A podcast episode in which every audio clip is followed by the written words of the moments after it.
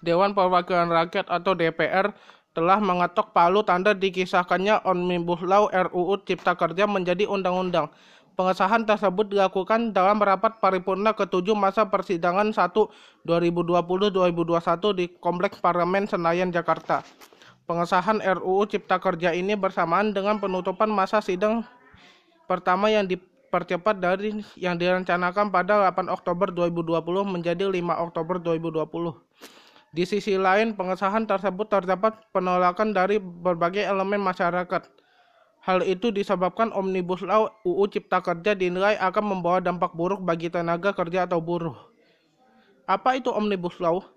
Istilah Omnibus Law pertama kali muncul dalam pidato pertama Joko Widodo setelah dilantik menjadi Presiden RI untuk kedua kalinya.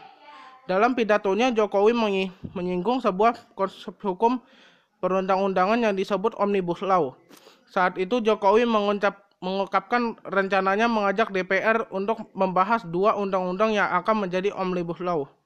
Pertama, UU Cipta Lapangan Kerja dan UU Pemberdayaan UMKM. Jokowi menyebutkan, masing-masing UU tersebut akan menjadi Omnibus Law, yaitu satu UU yang sekaligus merevisi beberapa atau bahkan puluhan UU. Pakar Hukum Tata Negara Bivitri Sapitri menjelaskan Omnibus Law merupakan sebuah UU yang dibuat untuk menyasar isu besar yang ada di suatu negara. Undang-undang ini dimaksudkan untuk merampingkan regulasi dari segi jumlah dan menyederhanakan peraturan akan lebih tepat sasaran. Konsep, Omnibus Law yang dikemukakan oleh Presiden Jokowi banyak diberkaitkan dengan bidang kerja pemerintah di sektor ekonomi. Diberitakan pada Januari 2020 ada dua omnibus law yang diajukan pemerintah yaitu Cipta Kerja dan Perpajakan.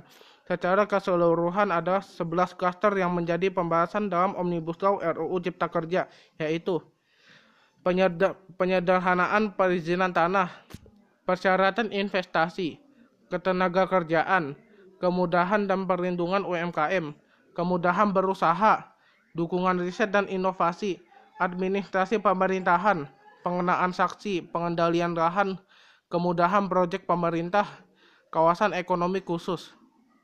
Sementara itu diberitakan UU Cipta Kerja yang baru saja disahkan terdiri atas 15 bab dan 174 pasal. Di dalamnya mengatur berbagai hal, mulai dari tenaga kerjaan hingga lingkungan hidup.